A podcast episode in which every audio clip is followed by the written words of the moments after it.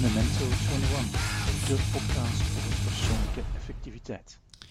Welkom bij de volgende aflevering van onze podcast Memento 21. En deze keer ook niet met Steven, maar met Pieter. Dag Pieter. Hi, dag Johan. Goedemorgen. Um, Pieter, ehm, als de mensen u niet kennen en ze komen u tegen op straat en je moet uitleggen wie dat je bent, wat dat je doet, wat vertelde dan? Dan, uh, als je me op straat tegenkomt, dan zie je een man van bijna twee meter lang. En uh, die nieuwsgierig uit zijn ogen kijkt. Die echt iedere keer de omgeving in zichzelf opneemt. En uh, nieuwsgierig is naar niet alleen de dingen, maar ook naar de mensen die daar lopen. Okay. Dus ik ben van, van nature heel nieuwsgierig. Gewoon van nature heb je dat meegekregen? Goed dat ik dat heb meegekregen, ja. En ik vermoed dat ik dat vooral van mijn moeder heb meegekregen en wat minder van mijn vader. Oké, okay. mooi. Ja. En dat is wat dat ze zien als u dan vragen, wat doe je? Wat vertel dan? Uh, wat ik doe? Ja, dat, dat, dat, ligt aan in welk domein je mm -hmm. kijkt. Wat ik, als ik naar mijn verschillende rollen kijk. Ik ben man. Mm -hmm. Ik ben uh, partner van mijn vrouw. Ik ben vader van twee kinderen. Mm -hmm. Ik ben uh, uh, lid van een doorlopende mannengroep al 16 jaar lang. en het werk wat ik nu nog doe is niet zoveel meer. Want ik ben inmiddels 61 en ik heb twee jaar geleden besloten om het veel rustiger aan te gaan doen. En ik ben in de gelukkige omstandigheid dat dat financieel ook kan. Uh, en als we mensen vragen, wat doe je nog professioneel? Dan zeg ik, ik doe eigenlijk twee dingen. Ik uh, werk als lichaamsgericht psychotherapeut. Dus ik heb individuele cliënten, zowel in Nederland als in Vlaanderen. En ik geef uh, in verschillende landen in Europa geef ik groepen. Zowel mannengroepen als gemengde groepen. En de gemengde groepen gaan vooral over het thema intimiteit en seksualiteit. -hmm. Dat is mijn specialiteit. Oké. Okay. Ja, ja en, ik, en ik doe de laatste tijd doe ik heel veel vrijwilligerswerk. Mm -hmm. uh, en ik ben vooral heel actief rond wat we hier in Nederland noemen, maar volgens mij in Vlaanderen ook, is de energietransitie. Energietransitie, hoe maken we de, de transitie van fossiele energie naar het opwekken van duurzame energie? En hoe doe je dat in je eigen leefomgeving? En hoe zorg je ervoor dat dat ook leidt tot meer bewustwording, bij burgers, bij kleine bedrijven over nou, dat, we, dat we toch anders met deze planeet moeten omgaan. Oké, ja. En, en in ons vorige gesprekje dat we hadden, we waren bijna begonnen aan onze podcast, uh, had ik het over, van ik had iets over u gelezen over, over mannenkracht, over mannengroepen. Ja. Dat was mijn interesse, omdat um, um, onze luisteraars zijn geïnteresseerd van, verdorie, hoe kunnen we een betere versie morgen worden dan vandaag? En uh, we geloven heel sterk dat er allemaal processen zijn die je kunt verbeteren. En ik was geïntrigeerd van, oké, okay, uh, mannenkracht, wat is dat dan? Ja. Ja, mooie vraag. Wat is dat, mannenkracht? Uh, ik geef al een jaar of tien ehm, mannengroepen. En ik ben zelf al 16 jaar lang onderdeel van een uh, groep van op dit moment 15 mannen, die elkaar uh, acht keer per jaar ontmoeten vijf avonden en drie hele dagen. En waarbij, waar we eigenlijk met elkaar kijken naar, zou je kunnen zeggen, alles wat in ons leven voorbij komt. En dan niet zozeer om met elkaar te gaan en een pint te drinken, maar vooral te hebben over de dingen die we, uh, die we als lastig ervaren of die heel bijzonder zijn wat er gebeurt in ons leven. En ik ben er wel achter gekomen dat als ik het echt lastig heb in het leven of echt niet zo goed meer weet wat ik nou te doen heb, dat ik steun bij mannen heb te halen en niet zozeer bij vrouwen. Oké. Ja. Uh, omdat, ja, je zou kunnen zeggen, mannen begrijpen mij beter. Okay. Want vrouwen, dat is toch, dat is echt een, een andere soort. Ja. ja. Ik, Okay. ik, ik, weet niet, Johan, of, of jij die ervaring ook hebt. Dat, dat, dat, ja, vrouwen zijn, vrouwen zijn voor een deel echt anders gebakken dan wij mannen. Ja, um, ja. Um, maar wat ik soms wel moeite mee heb is, um, ik ben van Team People. Mm -hmm. Zo afscheiding maken tussen groepen, denk van, allee, waarom moet dat nu? Ja, uh, uh, ja omdat uh, mannen nu eenmaal anders in elkaar zitten dan vrouwen. Tuurlijk, er is heel veel overlap, er is heel veel hetzelfde, maar er zijn ook dingen die zijn echt anders. Ja. Een, een, een, een man zal veel verder het proces opgaan om te zeggen, oké, dit is een probleem, we gaan het oplossen. Ja. En wat ik van veel vrouwen hoor, is dan vertel ik aan mijn partner iets wat ik lastig vind, of waar ik mee zit, of waar ik verdrietig over ben. En die vent van mij, die man van mij, die wil meteen in de oplossing, maar dat wil ik helemaal niet. Ik wil gewoon dat hij me hoort. Ja. Meer hoeft niet. En dat vinden mannen echt heel ingewikkeld. Ja. Dus dat is, een, dat is een veel voorkomend verschil in gedrag. Je zou kunnen zeggen, misschien dat mannen en vrouwen in de kern niet zoveel verschillen, maar ze verschillen wel in, zou je kunnen zeggen, in gedrag. In aangeleerd gedrag, in de primaire eerste reactie. Ja. Uh, en dan maak ik natuurlijk maak ik daar wat een, een karikatuur van. Mhm. Want je zou kunnen zeggen, iedere man heeft ook zo zijn vrouwelijke kwaliteit. En Ja. iedere vrouw heeft ook haar mannelijke kwaliteit. Ja. Ik vind het heel mooi. Patricia van Lingen, zij is de oprichter van de School voor Relaties in Gent. Zij heeft een mooi boek geschreven, Relateren kunnen leren. En daarin schrijft ze dat als je in balans wilt zijn als vrouw, dan moet je ongeveer 70% in je vrouwelijke energie zijn en 30% in je mannelijke energie.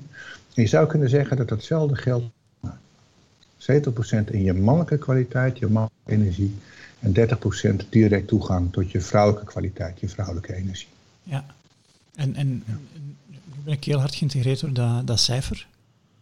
Is dat intuïtief eh, zo? Of, eh, Ja, dat, laat ik zeggen, dat, er is geen wetenschappelijk Mhm. onderzoek Mhm. naar gedaan. Maar intuïtief heb ik het gevoel dat het wel klopt.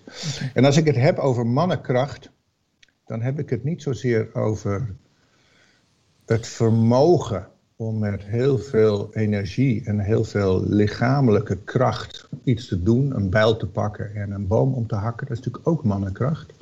Maar wat ik meer versta onder mannenkracht is dat je in staat bent en bereid bent om verantwoordelijkheid te nemen. Wat er te doen is. Ook als het ingewikkeld is. Ook als je denkt, holy shit, ga ik dit nou echt wel aan? En goed gegronde mannenkracht voor mij betekent dat je aanwezig bent, zeg ik altijd maar, in je bekken, want daar zit toch veel van je energie. En dat is niet zozeer de seksuele energie, maar dat is meer levensenergie. En tegelijkertijd het vermogen van wat ik noem het hart, Mhm. om goed te, om eh, receptief te zijn, om eh, kwetsbaar te zijn in de zin van dat je aanspreekbaar bent op je gedrag, dat die twee goed in verbinding zijn. Dus dat er een goede balans is tussen de kracht en stevigheid van het bekken en het vermogen van het hart om te luisteren en te voelen. Ik zeg altijd, in het hart leeft de compassie. En in het bekken leeft de kracht om eh, iets in de wereld te zetten. Oké, het is dus een mix Kun je daar wat bij voorstellen, Johan? Als ik het zo zeg? Eh, ja, het, het klinkt nog wat eh vloe, maar hoe dat ik het vertaal is een aantal jaren. Ik zal het anders zeggen, iemand vroeg mij onlangs van, wat vind jij nu succes? Uh, feitelijk is dat voor mij, maar dat is geëvolueerd over beroep van tijd, is van feitelijk de doelen bereiken die je wilt bereiken op een kinder manier. En misschien is Ja. dat wat dat jij bedoelt met, met, met hart, ehm, op een kinder manier. Dus ehm, de man van Apple, in mijn ogen, is dat geen succesvolle mens. Nee. Omdat hij zijn doelen wel bereikt heeft, maar alles wat je van leest, lijkt het of dat een eikel was. Je hebt het over Steve Jobs. Over Steve Jobs, ja. Ja. me, ontschoot me juist hoe dat. Het schijnt zo te zijn dat Steve Jobs vlak voor zijn dood, en hij had natuurlijk een, ja, weet je, toen hij hoorde dat hij alvleesklierkanker had, wist hij natuurlijk dat dat eh, zijn doodvonnis was. En hij heeft echt alles gedaan om de dood te ontlopen, maar de dood was onverbiddelijk. Wat ik heb begrepen is dat hij in de laatste weken wel meer tot inzicht is gekomen en ook wat zachter is geworden. Mhm. Uh, maar je zou kunnen zeggen, het was een man met een, wat ik noem, een monomane visie. En die ging letterlijk over lijken. Dus je zou kunnen zeggen, zijn, zijn gedrevenheid om zijn doelen te Mhm. bereiken, was wat losgezongen van het vermogen om zich te verbinden met anderen. Oké, ja. Ja. En, en is dat iets dat ehm, eh, in onze evolutie altijd eh, nodig geweest is? Of is dat iets van het heden ten dagen dat je merkt? Dat, dat, Dat is een grote vraag, Johan. Dat is, dat is een vraag. Ik kan hem, ik kan hem alleen beantwoorden ehm, vanuit mijn eigen perspectief. Mhm. En ehm, in deze tijd van corona, zou je kunnen zeggen, is op een bepaalde manier is de dood weer veel dichterbij gekomen. Mhm. En wij in het Westen, zeker zeg maar, in Nederland en Vlaanderen, ehm, hebben ons wat gedistanceerd van, zou je kunnen zeggen, de dood als zijnde aanwezig in ons leven. En ehm, ik denk dat het, het besef dat het leven eindig is, dat bij onze geboorte er één ding zeker is, Ja. namelijk dat het leven ook weer eindig is, dat als we dat weer iets meer zouden omarmen, iets meer besef van zouden hebben en iets meer zouden accepteren, we ook vanzelf tot andere doelen in het leven zouden komen. Ja. En ehm, ehm, ik heb veel van mijn vader geleerd. En het allerbelangrijkste en het allerlaatste wat hij mij heeft laten zien, was in de twee weken voor zijn dood. Waarin hij me echt heeft laten zien hoe je op een hele vreedzame manier de dood kunt verwelkomen. Waarin hij heel mooi de balans heeft opgemaakt van zijn leven. Waarin hij eh, nog dingen heeft hersteld. Waarin hij eh, de dag voordat hij stierf mijn dochter even apart heeft genomen. En eigenlijk bij haar te biecht is gegaan om te zeggen: Goh, ik heb een aantal dingen in de familie verkeerd gedaan. En ik wil je dat vertellen. Ik wil je die les meegeven. Ehm, familie is veel belangrijker dan dat ik dacht. En ik heb daar echt fouten in gemaakt en ik heb daar spijt van. Als ik het opnieuw zou mogen doen, zou ik het anders doen. Ik kan het niet meer doen, maar ik geef het je wel mee. En het mooie is, mijn dochter vertelde dat tijdens de, eh, de ceremonie van zijn uitvaart. En het was zo bijzonder, omdat nog twee van zijn zussen nog leefden. En eh, die na afloop naar mijn dochter toe kwamen en zeiden van... Goh, wat fijn dat hij dat nog heeft gezegd. En daarmee heeft hij nog iets rondgemaakt in zo'n familiesysteem. Dus als je het hebt over effectiviteit... dan is wat mij betreft gaat effectiviteit ook over... hoe zorg je ervoor dat je de relaties met de mensen die je dierbaar zijn... dat, dat je die schoonhoudt. Ah, oké. En natuurlijk gebeurt er wel eens wat in de relatie. En dan Ja. raak je elkaar even kwijt. Maar heb je het inzicht en het vermogen en de bereidheid en de dapperheid om het ook weer goed te maken. Te zeggen, sorry, dat heb ik verkeerd ingeschat. Dat had ik anders moeten doen. Ja. Ja, ja eh, al wat ik aan het vertellen was, leek mij heel hard. Ik ben de laatste zeven, zeven acht jaar opnieuw met stoïcisme in aanraking gekomen. Er leken een aantal vaardigheden die ze in stoïcisme ja, toch ook wel propageren om een, om een beter leven te leiden. Ja. Ja. Ja, dus, dus als je zou kunnen zeggen, hè, ehm, ik zeg altijd tegen al mijn cliënten, ehm, je komt met lege handen op de wereld en je gaat ook met lege handen verlaat je de wereld weer. En alles wat je daartussenin doet, heeft weliswaar een betekenis, maar jij bent degene die daar betekenis aan geeft. Ik deed in eh, 1996 deed ik mijn eerste training op het gebied van mijn persoonlijke ontwikkeling. Dat was eh, bij een Amerikaanse club, dat heette Landmark Education. Ik weet niet of je er wel eens van gehoord hebt. Had een heel mooi programma, dat heette het Forum. Drie dagen, van s morgens 9 tot s avonds 11. In een hele grote groep. En dat was echt intensief. Dat was ook echt zo ontworpen om toch ergens dat ego een beetje te breken, zodat je op een andere laag zou kunnen komen. En daar werd, werkten we met distinctions, distincties, soort onderscheidingen. En ik ben nog heel goed, de trainster, dat was een Duitse vrouw, Grace, Grace Pampus, die bracht op een gegeven moment een nieuwe distinctie in. She said, new distinction. And then she said, life is empty and meaningless. En ze zei dat en ik dacht, joh, doe even normaal. Ja. Hoe kom je daar nou bij? Het leven is leeg en, en betekenisloos. En eh, dan krijg je de opdracht om eh, met je buurman of buurvrouw eh, daarop te reflecteren. Als, als dat hoort, hoe is dat voor je? Ja. Nou, ik vond het echt helemaal niks. Ik had echt zoiets van, dat mens is gek, hoe komt ze daar nou bij? Dus ik was heel veel betekenis aan het geven. En het feit dat zij de stelling poneerde, Ja. het leven is leeg en betekenisloos. Ehm, En ik denk dat we een half uur daar aan het steggelen waren. En ik raakte steeds meer overstuur ervan. Totdat ze op een gegeven moment zei. En het feit dat het leven leeg en betekenisloos is, is in itself empty and meaningless. Dus ze zei, je kunt heel veel betekenis geven aan het gegeven dat het leven leeg en mhm. betekenisloos is. Maar als je daar nou eens mee stopt en je er, zon, je er waardevrij naar zou mogen kijken, welke inzicht krijg je? Ja. Toen begonnen bij mij, zoals we in Nederland zeggen, de kwartjes te vallen. Zoals jullie zeggen, de franken begonnen te vallen. Mhm. En toen dacht ik, oh, dus als het leven aan zich leeg en betekenisloos is, dan ben ik degene die de betekenis aan mag geven en die het mag vullen. Ja.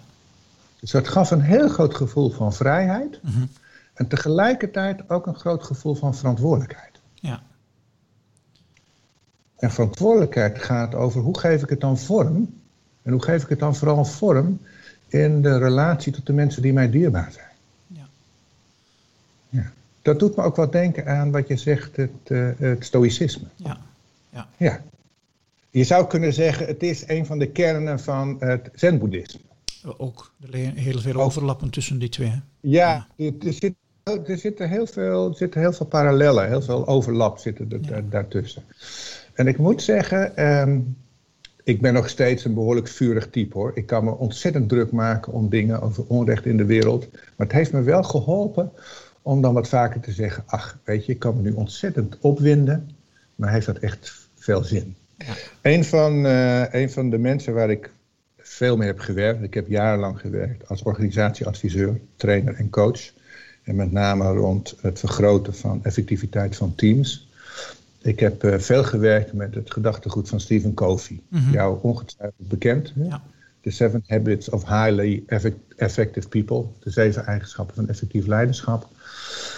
En uh, degene die ik veel toepas is ehm, eh, besteed je aandacht aan de dingen waar je invloed op hebt. Ja.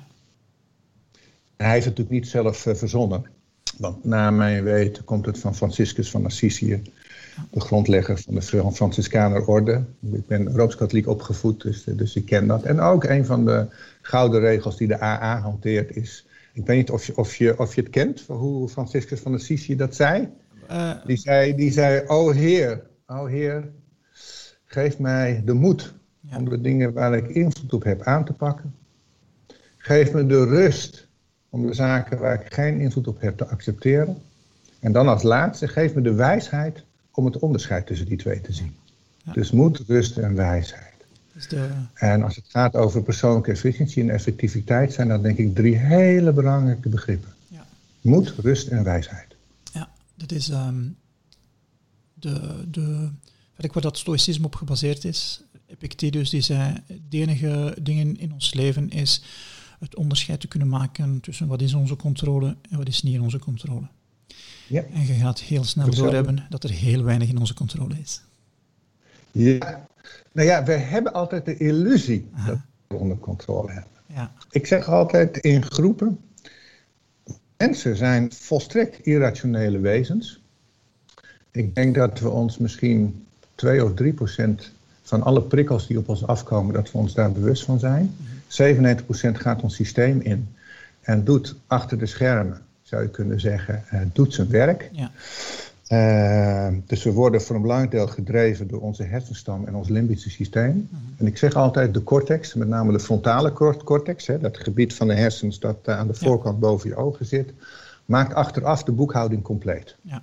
Bedenk achteraf de rationale argumenten voor ons irrationele gedrag. Ja. En uh, ja, mooi kan ik het niet maken. Dat wil niet zeggen dat je daarmee dus uh, je hele verantwoordelijkheid mag laten varen, want ik heb er toch geen invloed op. Mm -mm, nee, het is goed om je bewust te zijn. Wat zijn nou onze daadwerkelijke drijfveren en wat stuurt ons gedrag nou? Ja, en heb je dan de indruk als je dat beter begint te kennen, dat je zelf ik men altijd zeggen, beter onder controle hebt? Ja, dat denk ik wel. Of dat ik in ieder geval me bewuster ben van wat mijn diepere drijfveren zijn. Wat ik wel mooi vind, kijk, uh, de soort Homo sapiens waar wij toe behoren, uh, behoort tot de zoogdieren. En we zijn in de kern sociale wezens. Mhm. Ja. Eh, je hebt natuurlijk ook wel zoogdieren die wat solitairder zijn. Ik heb begrepen dat neushoorns erg solitair zijn. Die gaan gewoon in een eentje de wereld over. En af en toe dan ontmoeten ze elkaar om nageslacht te produceren. En dan gaan ze weer, weer verder. Maar wij lijken toch meer op de, zou je kunnen zeggen, eh, apen, maar ook honden, uh, genoes en dergelijke. Ehm, en een van, de, van de eigenschappen van een soort die leeft in groepen, is dat uh, empathie en altruïsme belangrijke eigenschappen zijn voor de groep om te overleven. Mhm. Uh, dus ik geloof erin dat wij mensen van nature iets hebben ingebouwd dat gaat over een primaire reactie om voor elkaar te zorgen. En dat hoor je ook um, veel als er onderzoek gedaan wordt in rampen, dat mensen een natuurlijke neiging is om anderen te gaan helpen. Ja. Tenzij ze helemaal in shock zijn en volledig gedissocieerd, maar mensen gaan helpen. En ik weet niet of je het boek kent van Rutger Bregman. Nee. Uh, goh, ik even kijken wat de titel. Uh, iets met. Uh, dat, nou, eigenlijk, eigenlijk zijn stelling is: de mens is van nature goed. Mm -hmm. Ja. Ehm, ja, een Nederlandse uh, journalist, wetenschapsjournalist, heeft een erg mooi boek geschreven. Ja. Daarover vrij recent. Ik ben de titel even kwijt, maar dan moet je anders nog maar even opzoeken. opzoeken ja. Ehm, Rutger Bregman. Dus ik, ja, ik, ik geloof er wel in dat, dat de mens van nature, uh, laten we zeggen dat de mens de kwaliteit in zich heeft mm -hmm. om rekening te houden met anderen, goed voor anderen te zorgen. En de keerzijde daarvan is, is omdat je als sociaal wezen nou eenmaal graag geaccepteerd wil worden door anderen. Hè? Dus, dus, dus een boel zou kunnen zeggen, schaamte is ook een emotie die heel effectief en functioneel is om te zorgen dat je je gedrag zo aanpast dat je geaccepteerd wordt in de groep. Mhm. Daar is natuurlijk ook een keerzijde. Kijk wat er eind jaren 30 in Duitsland gebeurde. Mm -hmm. uh, waarbij een volk slaafs achter een leider aangaat die echt de meest verschrikkelijke dingen doet. En uh, ja, dus dat is ook de consequentie van uh, het zijn van een sociaal dier. Het is niet alleen maar halleluja. Nee, wij vertellen in onze workshops ook van, als je je gedrag wilt veranderen, ja, dan moet je iets anders doen dan de groep waar dat je in zit. Weet dat er een pool gaat zijn om je terug te halen. En het is die paradox van, verdorie, ik wil ja, ander gedrag, maar ik wil ook bij een groep dat, dat u gaat um, um, ja, een, een stukje terug naar de status quo halen. Behalve als je er van bewust bent en dat je op een of andere manier um, geleidelijk aan dat nieuw gedrag introduceert. Ja, ja, nou ja dat, dat, dat, dat zie je natuurlijk ook. Waarom uh, een, een, een opzet, een structuur als de AA, de anonieme alcoholisten, relatief goed werkt. Is omdat je in de bending komt van een groep ja. die met elkaar echt uit is op een resultaat. Die allemaal ervaringsdeskundigen zijn en weten hoe ongelooflijk ingewikkeld uh, verslavingsproblematiek is. Ja. Die werken met een systeem van buddies en met een systeem van sponsors. Mm -hmm. En uh, ik moet zeggen, dat zit goed in elkaar. Ja.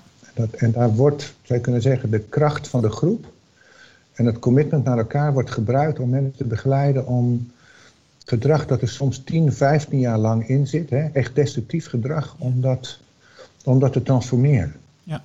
En dat is zo ingewikkeld. Ja, ja, gedrag veranderen vind ik niet zo moeilijk, maar consistent hetzelfde gedrag doen, dat is nog iets, dat is nog iets anders. Um, en ik ja, je, ja, je zou kunnen zeggen, um, uh, consistent zijn in je gedragsverandering. Ja. Die is volgens mij het lastigste. Ja. Iedereen die wat van over, iedereen die zegt, ik worstel wat met mijn overgewicht, tuurlijk kun je zeggen van, ik heb een goed voornemen, ik heb een, uh, een uh, weer een nieuw dieet. En dat hou je uh, drie, vier weken vol. En dan Ja. zie je op de weegschaal dat het helpt.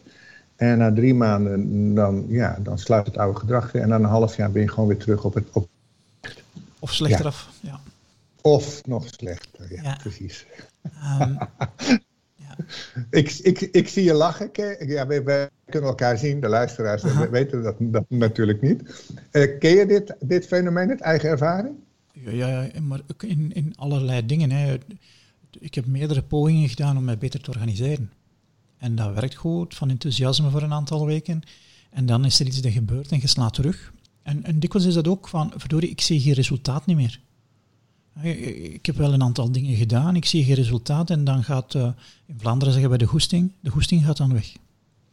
Ja, uh, en dan ik ben er wel gaan over nadenken en, en dan denk ik van, maar misschien had ik het verkeerde aangepakt en heb ik energie gestoken niet in de bottleneck, en waarom dat ik geen resultaat niet meer zie. En weet, ik weet ik ondertussen ook dat ik veelvuldig uh, resultatie nodig heb om goesting te kunnen houden. Of een groep rondom mij die zegt van, Johan, ah, kom aan joh, doe, doe verder. En is dat wat dat je krijgt van de mannengroep waar dat je in zit? Of is het eerder klankbord of, of beiden? Het is, het, is, het is beide. Wat ik het mooie vind aan die mannengroep waar ik zelf in zit, is dat wij, uh, zou je kunnen zeggen, uh, we houden ontzettend veel van elkaar. We hebben ook het contract dat we elkaar onverbloemd de waarheid vertellen. Dat we elkaar niet sparen. Dus als iemand loopt te mutsen of te klootviolen, dan krijgt hij dat recht, recht in zijn gezicht. Mhm. en, uh, en dat geeft, ja, je zou kunnen zeggen, dat, dat helpt, dat steunt mhm. om uh, te doen wat je met jezelf hebt afgesproken. Omdat er anderen meekijken, ja. uh, die gecommitteerd meekijken. Ja. En jou aanspreken op jouw gedrag als jij je niet houdt aan de afspraak die je met jezelf hebt gemaakt. En die je ook hebt, nou ja, weet je, waar je die andere mannen getuigen van hebt laten zijn. Is dat, de, dat, is, dat, is, natuurlijk ook dat is de functie van getuigen. Hè? Ja. Is dat de meest, de meest effectieve techniek die je kent om gedrag te veranderen? Uh,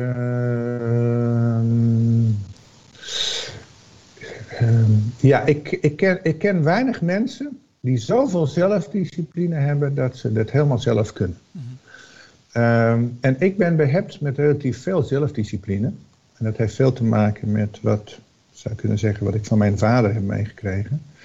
En ik moet zeggen, ik heb best een gecompliceerde relatie met mijn vader gehad, want ik vond hem veel te zwart-wit. Dat was hij ook. Mijn vader kende eigenlijk maar twee kleuren. Het is wit of het is zwart. Maakt leven makkelijk. bestonden niet zo. Behalve dan helemaal aan het eind van zijn leven kwamen de grijstinten. Dat was heel mooi. Ehm, en hij zei altijd, als ik een keuze heb gemaakt, een besluit heb genomen, kom ik daar niet meer op terug. Punt. Dat is in zich een kwaliteit, ja. maar als die te rigide wordt toegepast, dan wordt het ook meteen je Achilleshiel. Uh, dus als ik het had over die 70-30, ik denk dat het geweldig is om in 70% van de tijd heel congruent te zijn. En echt, en echt je woord te zijn en te zeggen, ik heb mij iets voorgenomen om te doen. En ook op momenten dat ik er helemaal geen zin in heb, doe ik het toch. Waarom? Omdat ik dat nou eenmaal heb afgesproken met mezelf.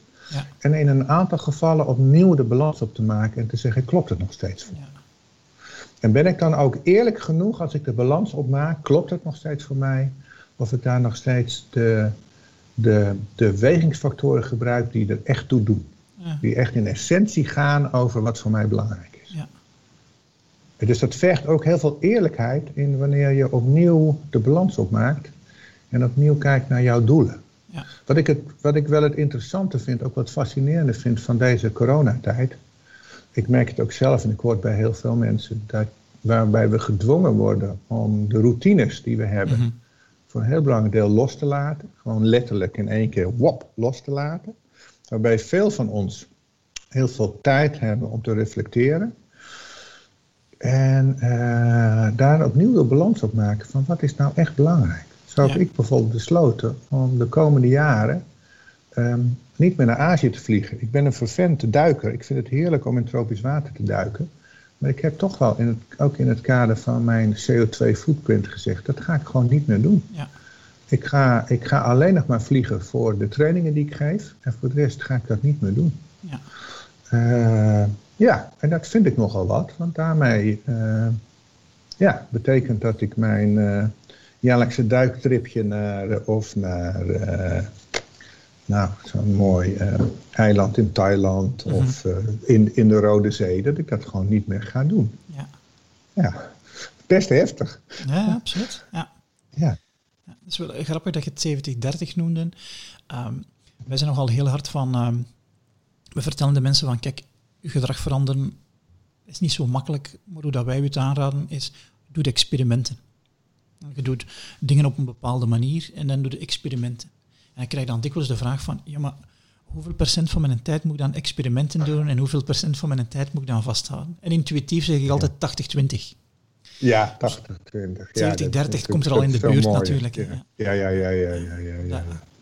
Ja. Je ziet dat in organisaties ook. Hè. Een deel van je tijd, als je wilt beter worden, gaat iets anders moeten doen. Maar hoe doe je dat? Ja, door ergens een pilot te draaien met de hoop dat het gaat beter worden.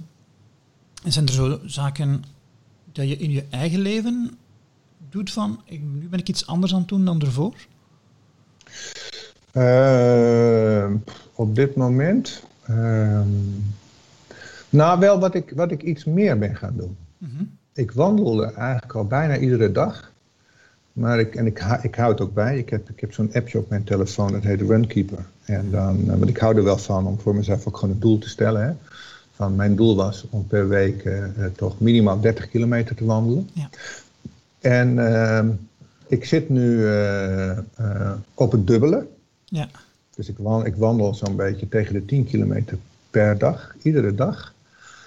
En het voelt zo ontzettend goed om dat als structuur in mijn leven te hebben. Ja. En uh, nou, het, het, biedt me, het zorgt voor fysieke conditie. Ja. Uh, ik merk dat het in toenemende mate mijn meditatie is. Mhm. Dat als ik door het bos loop met de hond, dat ik het leven beschouw, dat ik stilsta bij wat belangrijk is, dat ik ook merk dat mijn creativiteit, dan krijg ik nieuwe ideeën. Dan van, oh ja. ja. En soms dan loop ik gewoon een kwartier alleen maar in het hier en nu te genieten van wat zich in wandeltempo mm -hmm. ja. Aan, uh, uh, langskomt. Oh ja, dat is, dat is trouwens wel, wel interessant.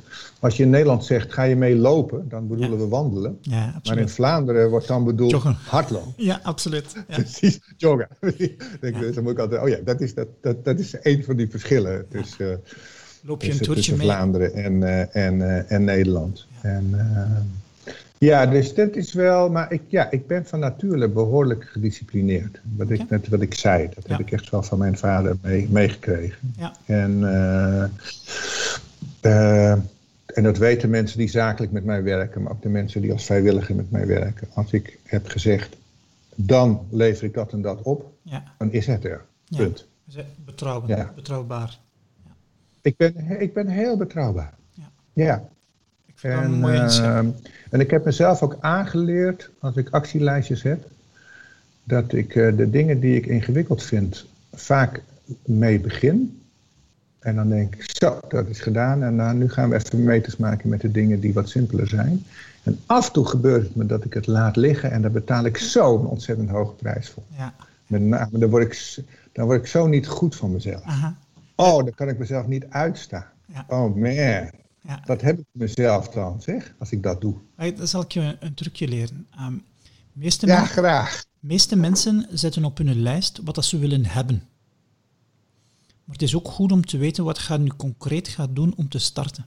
Dus als je zegt van, er staat iets op dat ingewikkeld is, waarschijnlijk heb je daar dan iets opgeschreven wat dat je wilt hebben, maar staat er nog niet bij wat dat je gaat doen. Ik kan een voorbeeld geven. Onze dochter wil een vakantiejob. Ze wil een vakantiejob hebben. Maar wat gaat ze concreet doen?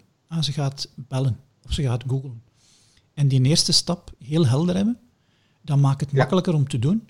En dan heeft ons brein veel minder weerstand om te starten. Ehm, Ja, en dat is een trucje dat we gebruiken. Uh, we noemen dat een call to action voor jezelf. Zo simpel mogelijk. Het is, dat is uh, mooi dat je dat zegt, want ik, ik, dat, de afgelopen week, ik ben, eh, een van mijn vrijwilligerswerk op dit moment is dat ik eh, even als interim-directeur de, de, de medeleiding heb genomen van een, een opleidingsinstituut wat in Amsterdam zit. Dat heet de Academie voor Massage en Beweging. En die hebben het op dit moment echt heel lastig, want ja, weet je, massage. eh, organiseer het maar eens op anderhalve meter. Dat is gods onmogelijk. Eh, en er is een eigen pand. En eh, ja, die huur loopt gewoon door. En de onderhuurders zijn er niet. En alle, eh, weet je, alle, de hele programmering van- van de zomer is weggevallen. Dus Ja. hoe gaan we dat financieel doen? Dus ik heb gezegd, weet je wat, we moeten, we moeten echt naar de toekomst kijken. We moeten wat anders gaan doen. Dus ik heb eh, tegen iedereen gezegd, we gaan eens eh, een SWOT-analyse maken. Ja. Dus ik heb mensen een beetje uitgelegd en eh zeg, lever, lever maar input. En ik heb gezegd, ik ga het wel verwerken. Dus ik verwerk het in hè, de strength, weakness, opportunities, threats en dan de confrontatiematrix. Dat is een hoop eh, bloed, zweet en tranen, want nou ja, niet iedereen begrijpt het allemaal even goed. Dus je moet ook heel veel dingen moet je weer omzetten. Eh, omdat en dat is gewoon een, een kaaklus, om het maar zo te zeggen. En ik zag er vrees tegenop. En wat heb ik gedaan? Ik heb gezegd, oké, voor vandaag ga ik de eerste opzet maken, ga ik alleen het stukje kansen doen. En dan ga ik het stukje, eh, eh, en dan ga ik de sterkte doen. En zo heb ik het eigenlijk opgeknipt in Ja. stukjes en steeds gezegd van, het hoeft vandaag niet af. Dus ik ga, iedere dag ga ik er een behapbaar stukje aan doen. Ja. En toen eh, heb ik gisteren gezegd, en nu ga ik het echt afmaken. Dus gisteren heb ik het, heb ik het afgemaakt. Ik had het vrijdag af willen hebben, dus het is maandag geworden. Dat, dat, wijkt wel af van, van wat mijn eigen standaard is. Ja. Maar laten we zo zeggen, ik ben redelijk tevreden over hoe ik het gedaan heb. En intuïtief heb ik het gedaan zoals jij het zei. Ik heb het eigenlijk opgeknipt in stukjes die behapbaar waren. ja, absoluut. Ja. Ehm, je, je merkt, je hebt momentum nodig. En als je niet weet hoe dat je moet starten, kun je ook geen momentum creëren. ja of als het zo groot is dat je denkt, ik heb geen idee waar ik moet beginnen, dan wordt de druk alleen maar groter. Ik zie dat bij mijn zoon. Ik heb een zoon van 20 en die is echt anders gebakken dan dat, dan dat ik ben. Die lijkt veel meer op zijn moeder en, eh, dan, dan op mij. Dus wij zijn natuurlijk echt heel anders. En ehm, als ik hem daarin wil begeleiden, moet ik hem eerst begrijpen. Ik moet eerst begrijpen hoe dat bij hem werkt. Want als ik hem probeer mijn manier van werken op te leggen, dat is, dat, boel, dan, dan bouw ik eh, de mislukking al bij de start in. Ja, ja, ja, Dus dan heb ik eerst, dat is ook Stephen Covey, hè? eerst begrijpen en dan begrepen worden. ja. Dus eerst nieuwsgierig zijn, hoe werkt dat bij hem? Wat gebeurt er in dat brein, dat hij soms dingen zo, dat hij er zo tegenop zit, dat hij Ah, helemaal stilvalt. Ja. En, wa- en wat kan ik nou doen dat hij toch weer een beetje in beweging komt? Oké. Ja. Eh, En wat aan mij helpt, is na te denken in het verschil tussen wat en hoe. Ja. Wat dat je deed En, is... en, en misschien, ja, ja, de wat en de hoe, maar de why zit er eigenlijk voor. Ja, absoluut. De, de, de, de waarom. Ja. Stel je hebt het gerealiseerd. Wat, wat, wat, wat, wat heb je dan? En word je, word je daar blij van? Ja. Dus kun je de goesting voelen van als het straks voor elkaar is. Ja. Ja, en, dan, en dan de wat en de hoe. Ja, dat, dat, zijn, dat, zijn, dat, zijn, dat is mooi. En, Ja. en onderscheid tussen de wat en de hoe heeft mij heel hard geleerd van, verdorie, als iets niet werkt, in het verleden gooide ik zowel de wat en de hoe buiten. En dan begon ik iets nieuws. Weer met een nieuwe wat en hoe. En als je dan geluk hebt, Ja. gaat het werken. Maar als je pech hebt, Mhm. ja, dan weet je niet wat er gebeurd is. En nu heb ik meer van, oké, als mijn wat juist zit, de hoe, dat vind ik wel. Als ik Ja. u zou zeggen van, verdorie, je steekt niks in je hoofd, schrijft alles op. Je kunt een boekje bij hebben, je kunt een app gebruiken. De hoe is verschillend als de wat. En, en, en Ja, ja, en dan zeg ik van, het ligt veel beter bij uw aard. Zo dichter tegen uw aard, de aard liggen de hoe, maar de wat zal waarschijnlijk voor ons wel hetzelfde zijn. Jij moet het Ja. opdelen in kleine stukjes, ik moet het opdelen in kleine stukjes. dat is overigens wel, dat is wel de kwaliteit van de ingenieur. Ik ben zelf van huis uit ook ingenieur, net, net als jij. Dus het gaat ook over, oké, en nieuwsgierig zijn naar het proces. Kun je het proces ontleden, kun je er Ja. stapjes van maken. En de wat en de hoe. Kijk, we hebben in Nederland hebben we zo'n mooi gezegde. Als het niet kan zoals het moet, dan moet het maar zoals het kan. Ik weet niet of jullie die in Vlaanderen ook kennen. Nee. Maar je, maar je, maar je begrijpt het na- natuurlijk wel. Dus dat je creatief bent in de hoe, eh, maar dat je contact blijft maken met eh, hoe het wat. En dan uiteindelijk achter het wat is het resultaat. Dat je contact, contact kunt blijven maken met het verlangen om het resultaat te bereiken. En dat het verlangen roept. En dat je dan creatief bent in hoe kan ik daar dan komen. Ja, Hè? Het is niet voor niks het mooie gezegde, er leiden er meerdere wegen naar Rome. Absoluut. Dat gaat hier natuurlijk ook voor. Hè? sommige wegen zijn heel lang, hè. Ja, en sommige die lijken heel complex en, en, en ingewikkeld, maar blijken uiteindelijk toch de meest effectieve te zijn. Ja. En wat ik ook altijd tegen mensen zeg is van, weet je, het is fijn om een einddoel te hebben, maar volgens mij is het ook belangrijk om tijdens de reis gewoon te blijven genieten van wat voor wonderlijks je allemaal tegenkomt. Ja, ja.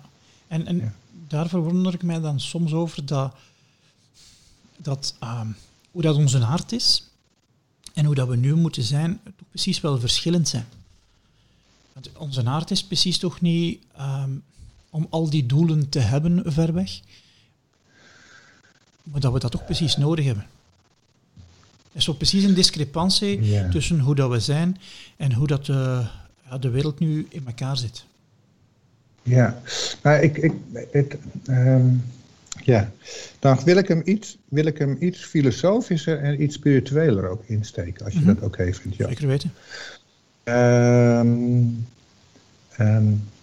veel van wat wij nastreven als doelen, en zeker als je kijkt in ons westerse op consumptie en op accumulatie van goederen en op, op accumulatie en op groei gericht. eh, ik word steeds nieuwsgieriger naar wat, waar, waar komt die drijfveer nou vandaan? Wat maakt nou dat we zo bezig zijn met meer, meer, meer? Meer welvaart, meer economische groei, meer spullen. Eh, eh, weer een nieuwe, nieuwe iPhone, weer een nieuwe auto.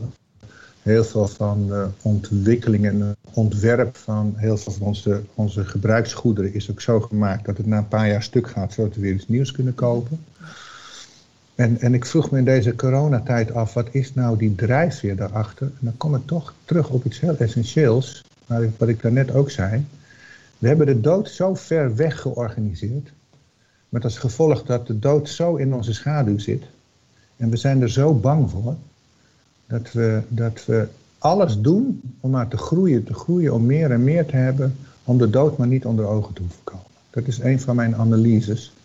Dat de angst voor de dood zo'n grote drijfveer is. En dat we echt in staat zijn en bereid zijn om het ecosysteem waar we onderdeel van uitmaken, helemaal kapot te maken. Om maar bezig te zijn met groei, groei, groei, meer, meer, meer, doelen, doelen, doelen. In plaats van dat we onszelf de vraag stellen van waar worden we nou echt gelukkig van? Wat geeft, wat, wat, en het gaat wat mij betreft over zingeving, het gaat over vervulling en veel minder over bevrediging. Oké. En ik zie dat ook, hè, ik mijn specialiteit is seksualiteit.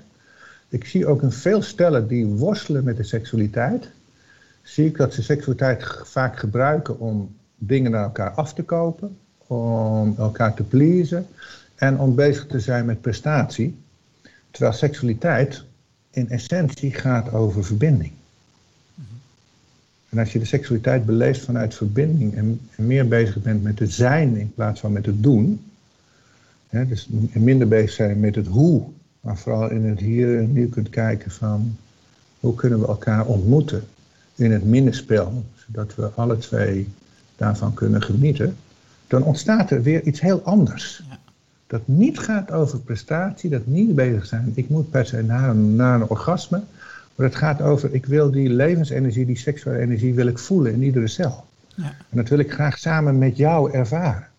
Nou, als je met die intentie de liefde bedrijft, dan gebeuren er hele andere dingen in bed.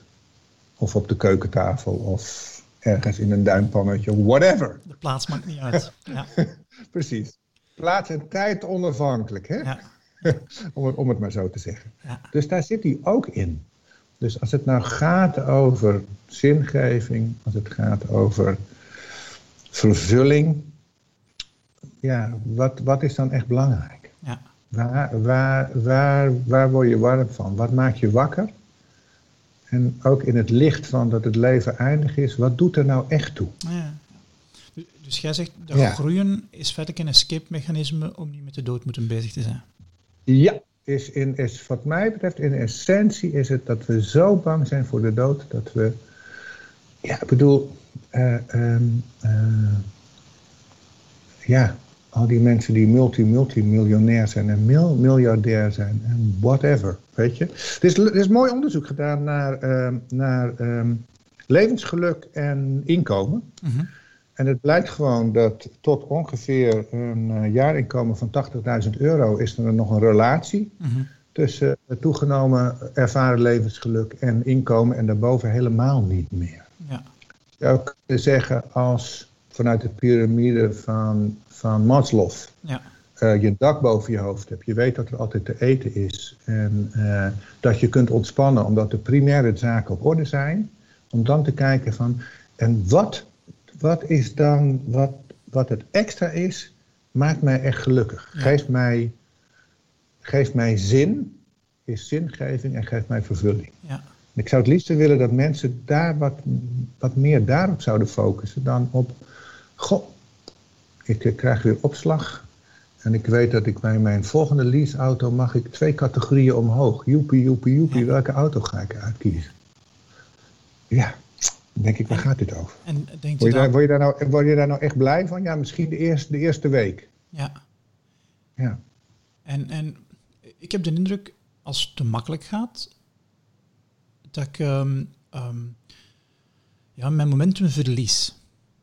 Zou dat dan iets zijn dat we harde dingen nodig hebben om content te kunnen zijn, levensgeluk te ervaren? Moet het een struggle zijn?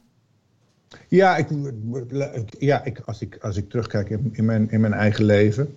ehm, juist het feit dat. ehm, kijk, het leven brengt wat het brengt. Het leven discrimineert niet. Het leven brengt soms ook onheil. Eh, er worden mensen ziek in je omgeving. Mensen gaan dood.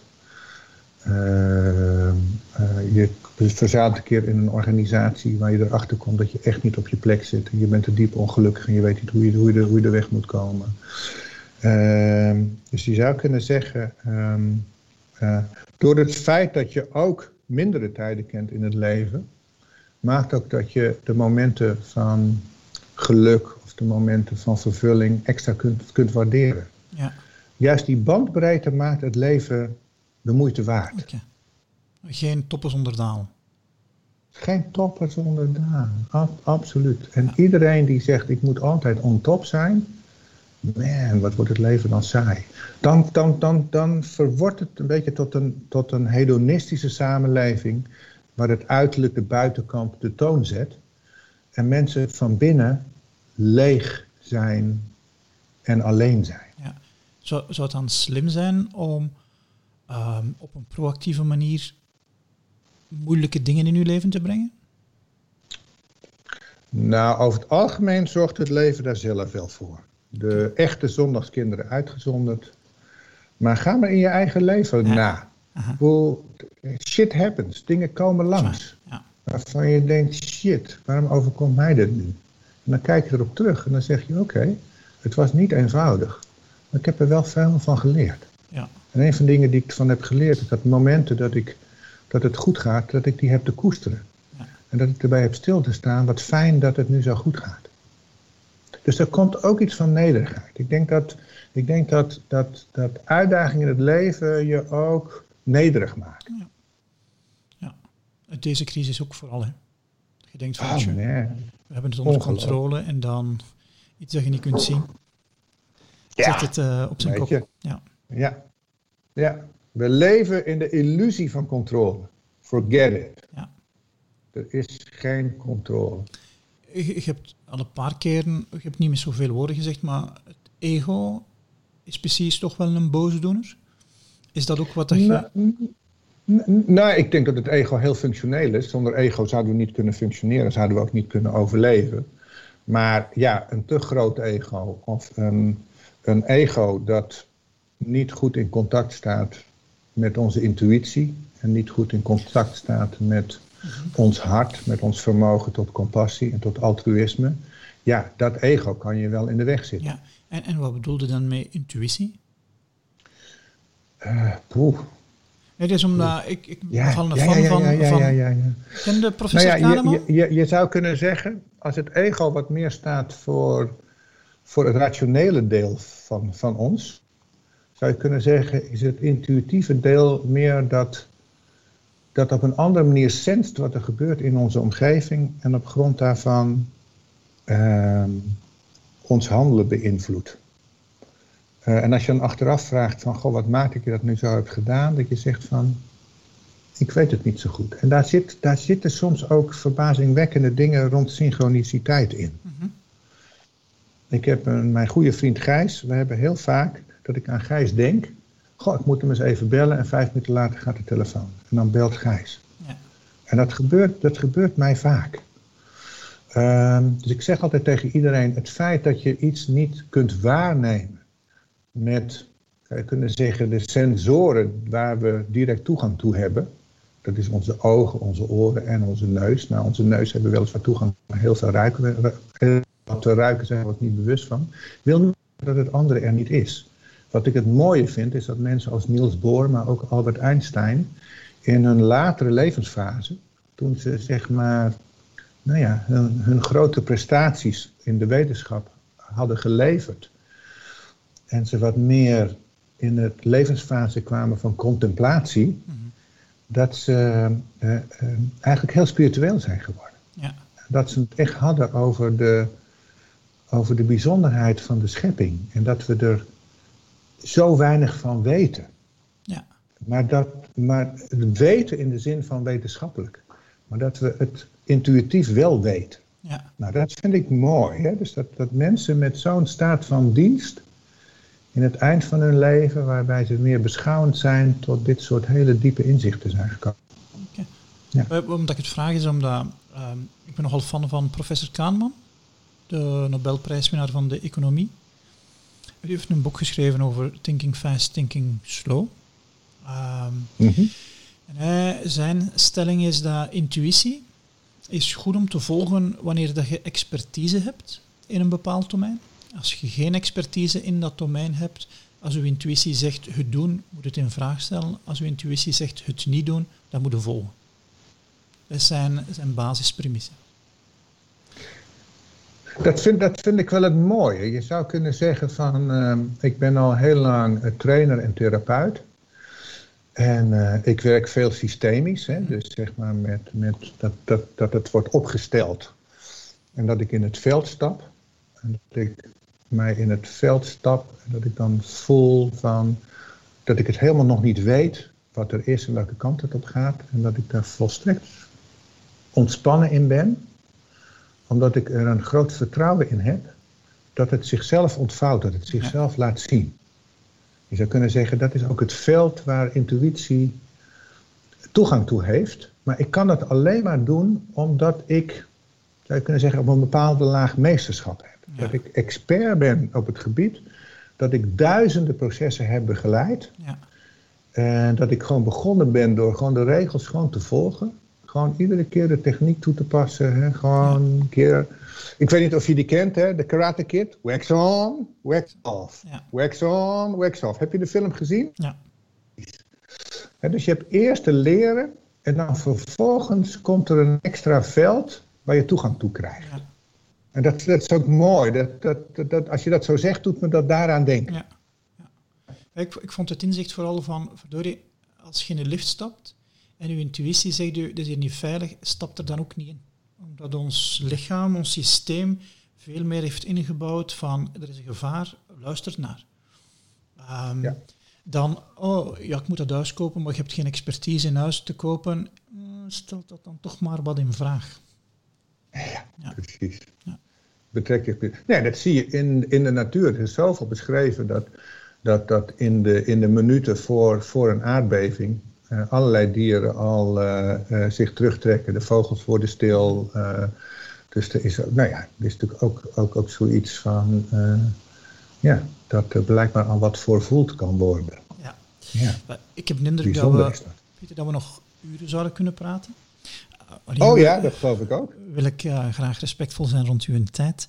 Er is zo uh, iets dat we dikwijls doen bij, bij gasten, um, is dat we hun vragen als, als laatste vraag, voordat je uh, kunt vertellen waar dat luisteraars meer over u kunnen vinden, is wat zijn de drie grote inzichten dat je zegt van kijk, dat zijn de inzichten die ik opgedaan heb in mijn leven en die ik niet zou willen kwijtraken? Ehm, Moeten daarvoor niet de grootste zijn, degene die u binnenschieten, maar ook als dat dan makkelijker maakt. ja, dat, laat, ik zo zeggen. Ehm, eerste inzicht, omarm het gegeven dat het leven eindig is. Verwelkom de dood. Wees er niet bang voor. Twee, ehm, de kwaliteit van jouw leven wordt in sterke mate bepaald door de kwaliteit van de relaties van de mensen die je dierbaar zijn. Of de mensen waar je langere dan wel kortere tijd mee oploopt in jouw levenspad. Eh, en het derde is, heb respect voor moeder aarde. Heb respect voor het ecosysteem. Heb respect voor de natuur. Want daar maken we integraal onderdeel van uit. Wij zijn het niet de baas. Wij hebben in te ordenen in onze plek. Dat zijn, dat, dat zijn wat mij betreft de drie die ik je... En ze komen zomaar spontaan. Dus jij stelt die vraag en dan komt gewoon het antwoord. Dat vind ik ook verbazingwekkend. Nou, waar mensen meer van mij kunnen vinden. ehm, ik ben eh, trainer eh, in Vlaanderen bij de School voor Relaties. Dus de School voor Relaties.be. Daar kun je meer van mij vinden. Ik eh, geef individuele sessies, één keer in de maand, twee à drie dagen, bij Centrum Voelen in Eke Nazareth. Ehm, en ik ben nog verbonden, maar ik ga daar stoppen bij een organisatie in Nederland, en die heet Body Mind Opleidingen. Daar kun je, kun je me ook nog vinden. En daar geef ik met name training op het gebied van intimiteit en seksualiteit. En als je mij eh, op Facebook opzoekt, Pieter Ruigewaard, kom, kom je me ook tegen. Of op, link, of op LinkedIn. Ik, bedoel, ik heb een, een profiel. En, eh, zal in de show notes verstaan. Ja, precies. Ik zou u willen bedanken voor uw tijd, voor uw energie en aandacht. En nu de outro voor onze podcastaflevering. Dankjewel voor je tijd, energie en aandacht. Wanneer je nog even extra tijd zou hebben, dan zouden we het appreciëren indien je onze review geeft op iTunes. Liefst vijf sterren natuurlijk, maar geef vooral je opbouwende kritiek door. Daarnaast is dit een disclaimer om je te vertellen dat we geen dokter, psycholoog of iets dergelijks zijn. Ons zelfadvies is met gezond verstand te evalueren. We zijn president Trump niet die je het advies geeft om bleach te drinken. Via extra tijd en teamfixers kan je je inschrijven voor onze nieuwsbrief. Doe dit alsjeblieft. Dankjewel en tot volgende aflevering. Go and fix something.